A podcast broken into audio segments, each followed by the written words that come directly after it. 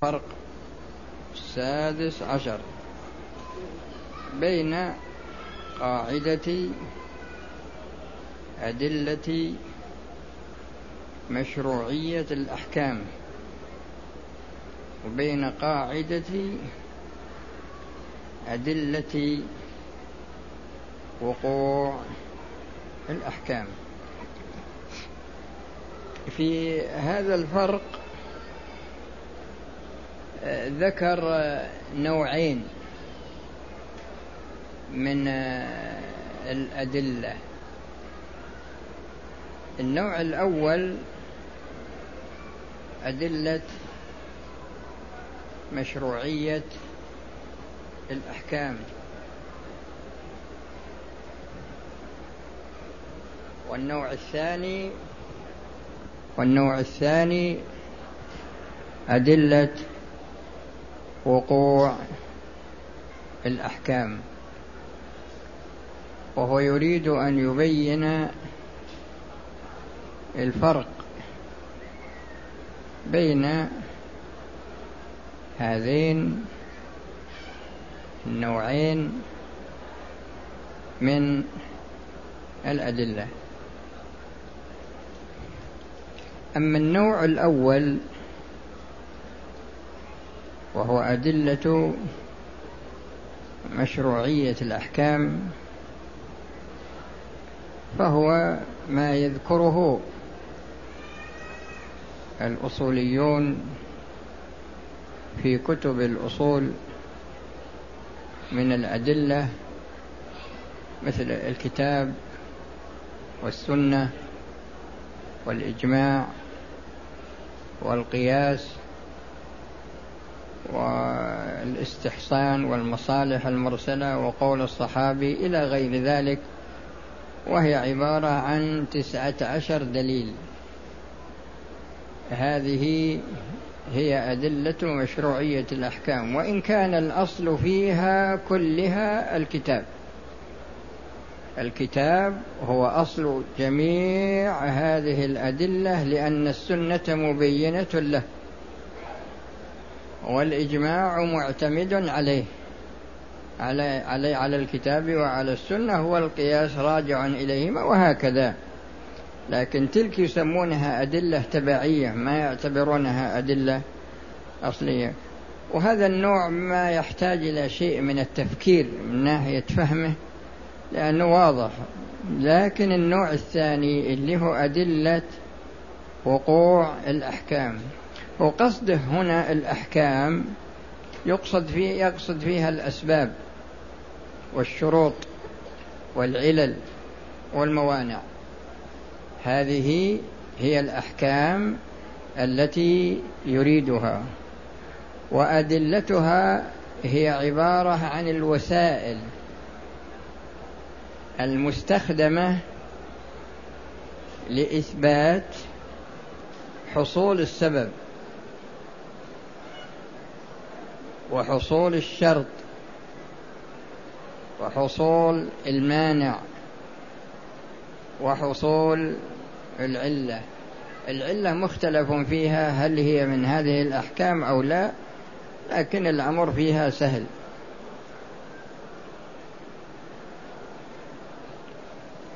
فإذا نظرنا إلى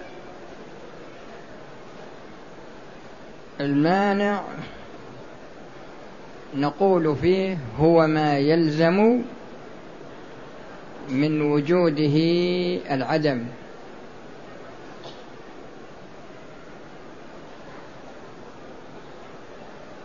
ننظر إلى المرأة تكون حائضا.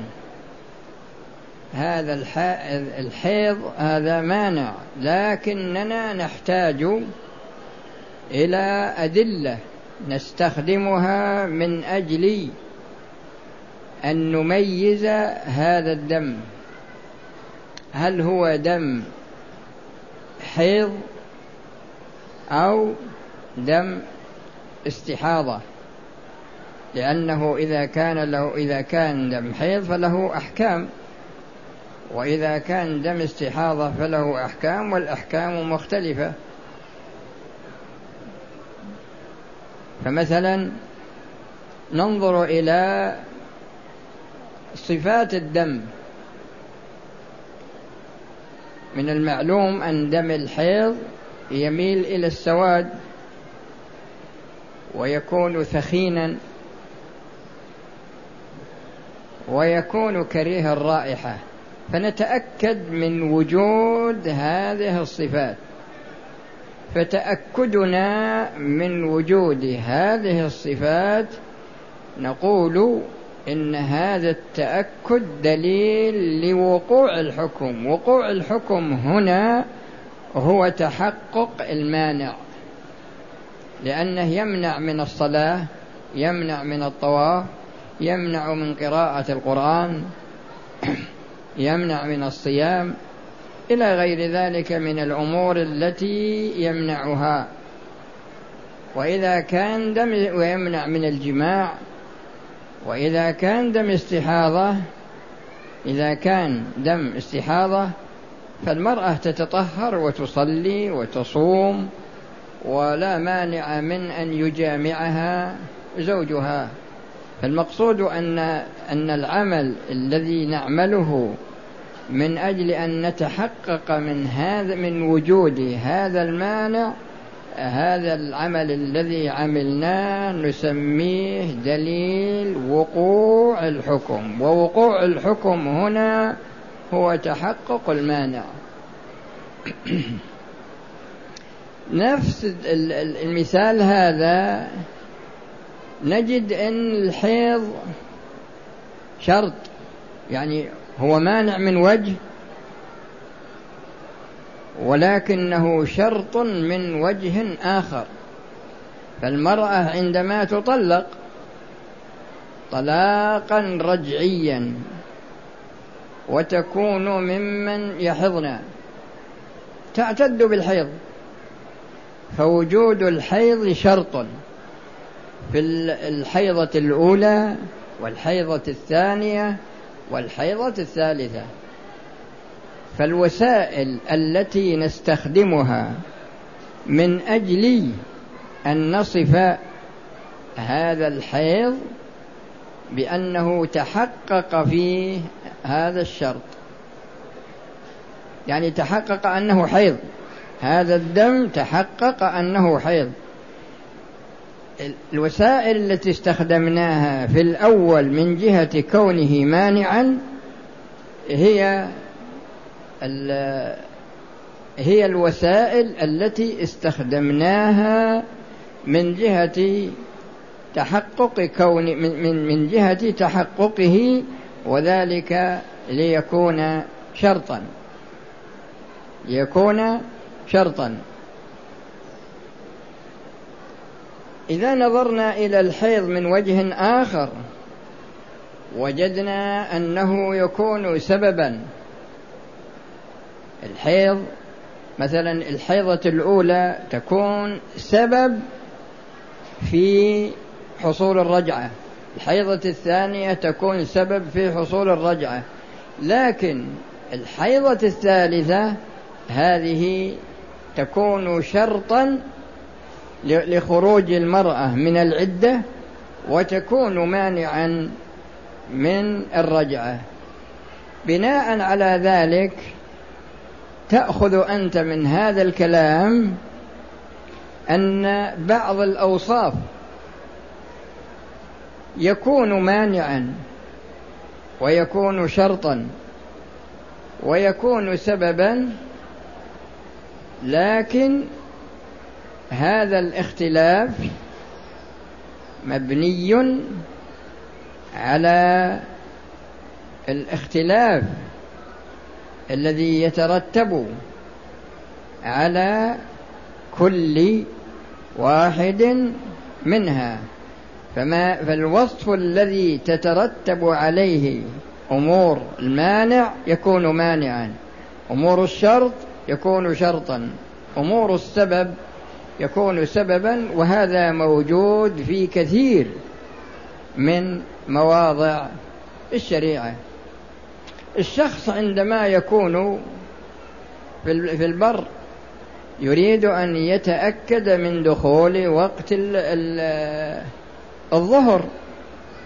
يريد أن يتأكد من دخول وقت العصر. أما بالنظر إلى المغرب فالله جعل علامة لكن لا بد أن نتأكد منها. وكذلك دخول وقت العشاء جعل عليه علامة وهو غياب الشفق. يعني بعد ساعة ونصف تقريبا من آه، دخول وقت المغرب. طلوع الفجر أيضا. فنحن نستخدم وسائل من أجل أن نتحقق من دخول الوقت هذه الوسائل التي نستخدمها نسميها أدلة وقوع الحكم. الحكم هنا هو دخول الوقت لأنه شرط في صحة الصلاة. فلو صلى الإنسان قبل دخول الوقت فإن صلاته لا تكون صحيحة إلا إذا كانت الصلاة التي يصليها تجمع مع ما قبلها أو مع ما بعدها جمع تقديم أو تأخير وله وهو ممن يترخص بذلك فحينئذ لا مانع منه. يريد أن يعرف جهة القبلة استخدم الوسائل التي تعينه على معرفة جهة القبلة. هذه الوسائل التي يستخدمها نسميها أدلة وقوع الحكم والحكم الذي يقع هنا هو حصول الشرط والشرط هنا هو دخول الوقت هو دخول الوقت. فهذه الوسائل التي نستخدمها نسميها أدلة وقوع الحكم. الوسائل جميع الوسائل التي يستخدمها الأطباء من أجل الكشف على المريض والوقوف على عين المرض الذي عنده وذلك من أجل أن يرتبوا عليه العلاج. من, من أجل أن يرتبوا عليه العلاج هذا من جهة وقد يترتب على مرضه هذا أحكام أخرى. فحينئذ يتحقق هذا المرض. الوسائل التي تستخدم من أجل تحقق أن هذا الشخص مريض هذه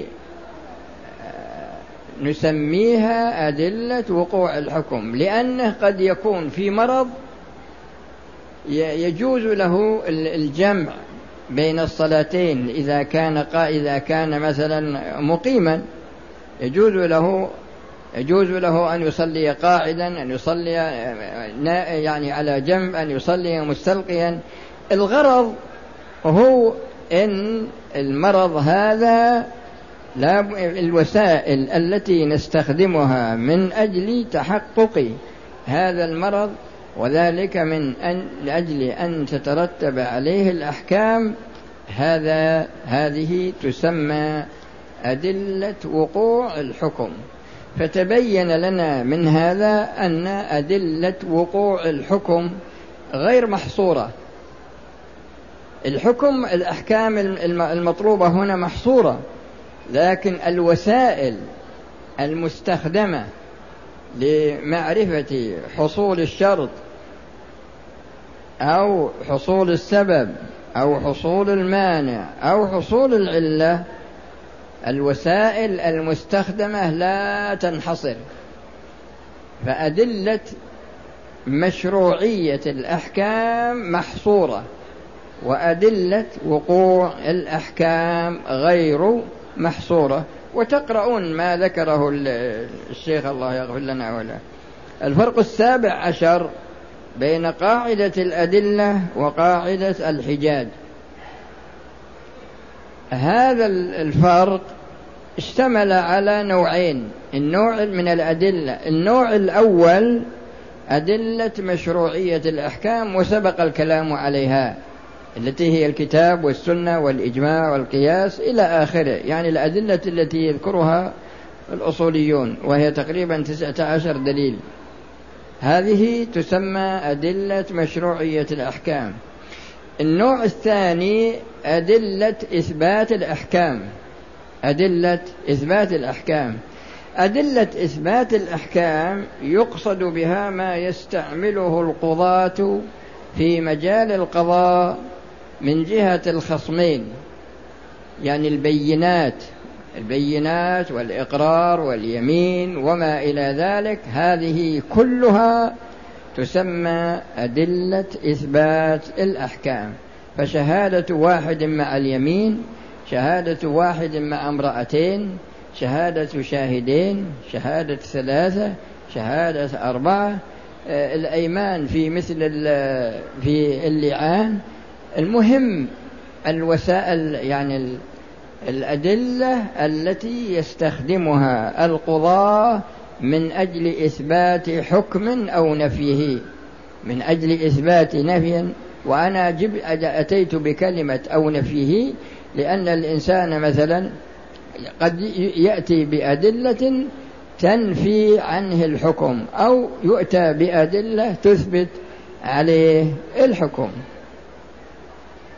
هذا هو المقصود من أدلة وقوع أدلة مشروعية الأحكام وبين قاعدة الحجاج. الحجاج كما ذكرت لكم يريد به أدلة إثبات الأحكام التي يستخدمها القضاة.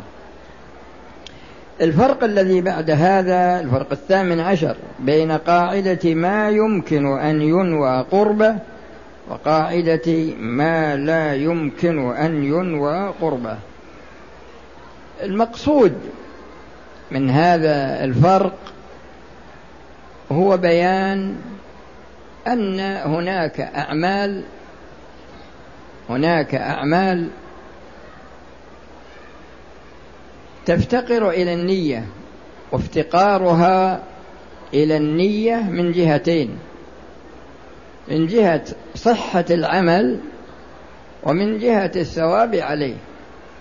من جهة صحة العمل ومن جهة الثواب عليه. فمثلا باب التوحيد عموما وباب وما وما يتصل به يعني علم العقائد كله هذا يحتاج إلى نية من ناحية صحة العمل ومن ناحية الثواب عليه. وهكذا باب العبادات. باب العبادات من طهارة وصلاة وصيام وزكاة وحج وجهاد وعمرة إلى غير ذلك. جميع الأمور التعبدية جميع أمور العبادات هذه مفتقرة إلى النية من جهة أن الشخص عندما يريد أن يأتي بالعبادة لا بد من وجود النية حتى يصح العمل ولا بد أن يأتي بالنية من أجل أن يثاب على العمل من أجل أن يثاب على العمل. لكن في قسم آخر اللي هو قسم العادات قسم العادات. قسم العادات هذا تجدون أنه مفتقر للنية من جهة الثواب. من جهة الثواب. فإنسان مثلا يبي يفعل يبي يبيع يبي يشتري يبي يأجر يبي يستأجر إذا قصد عقد البيع أو عقد الإجارة امتثال لأمر الشارع فحينئذ يكون يثاب على ذلك. إذا قصد هذا أما إذا لم يقصد فإن العقد صحيح. لكن لو إن إنسان عقد البيع لشخص وقال والله أنا ما نويت أنا ما نويت أنا صحيح أني عقدت لك البيع لكني ما نويت ما نويت البيع. ولا عقد له عقد إجارة وقال والله أنا ما نويت صحيح أني عقدت لك ووقعت لك لكن أنا ما نويت. فالنية في هذا الباب تجدون أنها شرط في الثواب. وليست شرط في صحة العقد أو فسخه في صحة العقد أو فسخه.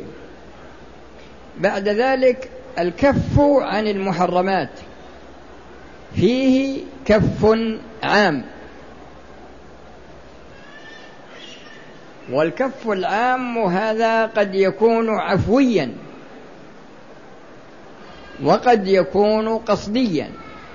ومعنى ذلك أن الشخص قد يعقد في قلبه فيما بينه وبين الله أنه لن يرتكب أمرا محرما ولن يخل بواجب من الواجبات هذا باعتبار عقد القلب. يعني بصرف النظر عن كونه قد يحصل من خلل لكن نيته أنه لن يحصل منه شيء. هذا تجدون أنه يثاب على هذا القصد العام. أما الإنسان الذي يترك المحرمات تركا عفويا بدون تأسيس نية بدون تأسيس نية ففي هذه الحال لا يقال إنه يثاب لأنه لم يحصل عنده قصد الامتثال. يعني ما خطر في باله. يعني مشت أموره ما يعمل الأشياء ذي. فحينئذ هذا لا يثاب. يبقى بعد ذلك إذا وجد امرا يعصي فيه الله. وقدر على تنفيذه. ولكنه عند التنفيذ ذكر اطلاع الله عليه. وذكر قدرة الله على عقوبته. في تلك اللحظة فتركه امتثالا لنهي الله جل وعلا. فهذا يثاب على ترك هذه المعصية المعينة لأنه تركها لوجه الله بعد القدرة عليها. لكن لو عجز عنها عجز يعني بذل جميع الوسائل الممكنة من أجل أن يعمل هذه المعصية ولم يتمكن فلما عجز قال سأتركها لوجه الله. في هذه الحال لا يثاب. في هذه الحال لا يثاب لأنه تركها بعد العجز. كذلك بالنسبة للفسوخ فسوخ العقود لا تحتاج إلى نية إلا من ناحية الامتثال وكذلك وفاء الديون وفاء الديون التي على الإنسان للناس. لكن إذا كان الدين لله مثل الكفارات ومثل الزكاة ومثل الأشياء هذه هذه لا بد فيها من النية لكن بالنظر إلى حقوق الآدميين إذا كان عليه حقوق للآدميين مثل وفاء الديون هذه هذا الوفاء لا يحتاج إلى نية. لكن لو أنه عند الوفاء قصد الامتثال فإنه يثاب على ذلك. وعلى وعلى هذا الأساس تقرؤون هذا الكلام الذي ذكره الشيخ.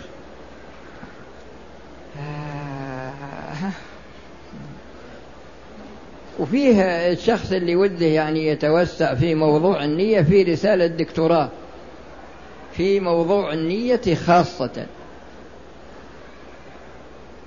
وفيه رسالة لصاحب الكتاب هذا لأنه أحال إليها. آه، اسمها الأمنية في تحقيق النية لنفس صاحب الكتاب للقرافي تكلم على على مسألة النية على يعني بكلام مفصل. القاعدة التي بعد هذا القاعدة التاسعة عشر. بين قاعدتي ما تشرع فيه البسملة وما لا تشرع فيه البسملة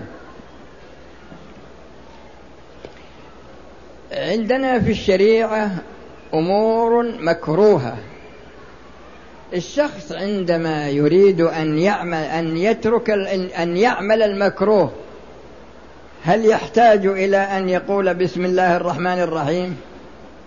أه؟ وإذا أراد أن يفعل محرما أو أراد أن يترك واجبا من واجبات الشريعة. إذا أراد أن يزني أو أراد أن يسرق أو يشرب الخمر يعني ممكن أن يقول قبل البدء بسم الله الرحمن الرحيم. هل ممكن هذا؟ آه أي طيب إذا جميع باب المحرمات لا تشرع فيه البسملة. وجميع باب المكروهات في الشريعة لا تشرع فيه البسملة. وباب ترك الواجبات وباب ترك الواجبات وباب آه ترك لا وباب ترك المندوبات. يعني إذا أراد أن يترك مندوب يعني يبي يترك مثلا راتبة الظهر التي قبلها أو التي بعدها. ممكن يقول بسم الله الرحمن الرحيم أبترك الركعتين؟ لا. فعندنا إذا ترك الواجبات وترك المندوبات وفعل المكروهات وفعل المحرمات. هذه لا تشرع فيها ماذا؟ لا تشرع فيها البسمله لكن فيه أمور منصوص عليها. فيه أمور منصوص عليها. هو هنا يقول أفعال العباد ثلاثة أقسام. منها ما شرعت فيه البسملة ومنها ما لا تشرع فيه. أنا ذكرت لكم ما لا تشرع فيه. ومنها ما تكره فيه.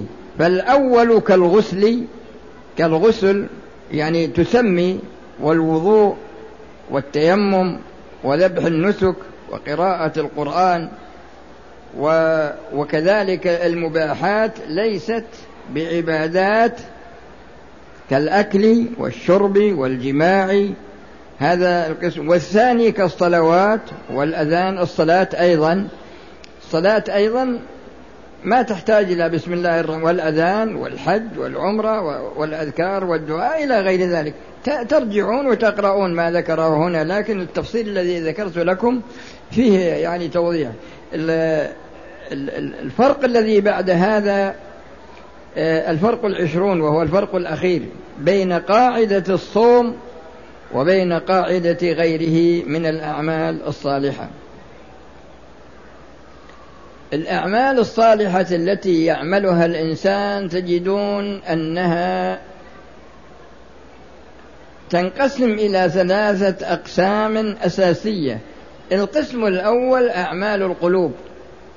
القسم الأول أعمال القلوب مثل التوكل والخشية والخشوع والرغبة والرهبة إلى آخره. جميع أعمال القلوب. هذه هذا قسم. القسم الثاني أعمال يعني قول اللسان. قول اللسان. القسم الثالث أفعال الجوارح. أفعال الجوارح. فهذه ثلاثة أقسام. إذا نظرنا إلى الصيام وجدنا أن الصيام وجدنا أن الصيام من أعمال الجوارح من جهة ومن أعمال القلب من جهة أخرى. لأن الصيام سر بين العبد وبين ربه. فممكن إن الإنسان يدخل في بيته ويأكل ويشرب منفرد ما يطلع عليه إلا الله. ويخرج للناس كأنه صائم. وهذا وجد لكن في الشباب. يسألون يقول أنا أخذت خمس سنين عشر سنين. أتسحر مع أهلي وأفطر مع أهلي وفي وسط النهار أخلو في مكان وآكل. وهذا من الذكور ومن الإناث. فالصيام له مزية على جميع العبادات ولهذا جاء به هنا. هذه المزية هو ذكر مجموعة من الفروق لكن الشيء المهم منها هو الذي أذكره لكم والباقي تقرؤونه. الشيء المهم في الفرق بين الصيام وبين غيره من العبادات ولهذا الله تعالى يقول في الحديث القدسي الصوم لي وأنا أجزي به. فالفرق الحقيقي هو أن الصيام سر بين العبد وبين ربه مكون أو مركب من عمل القلب وعمل الجوارح.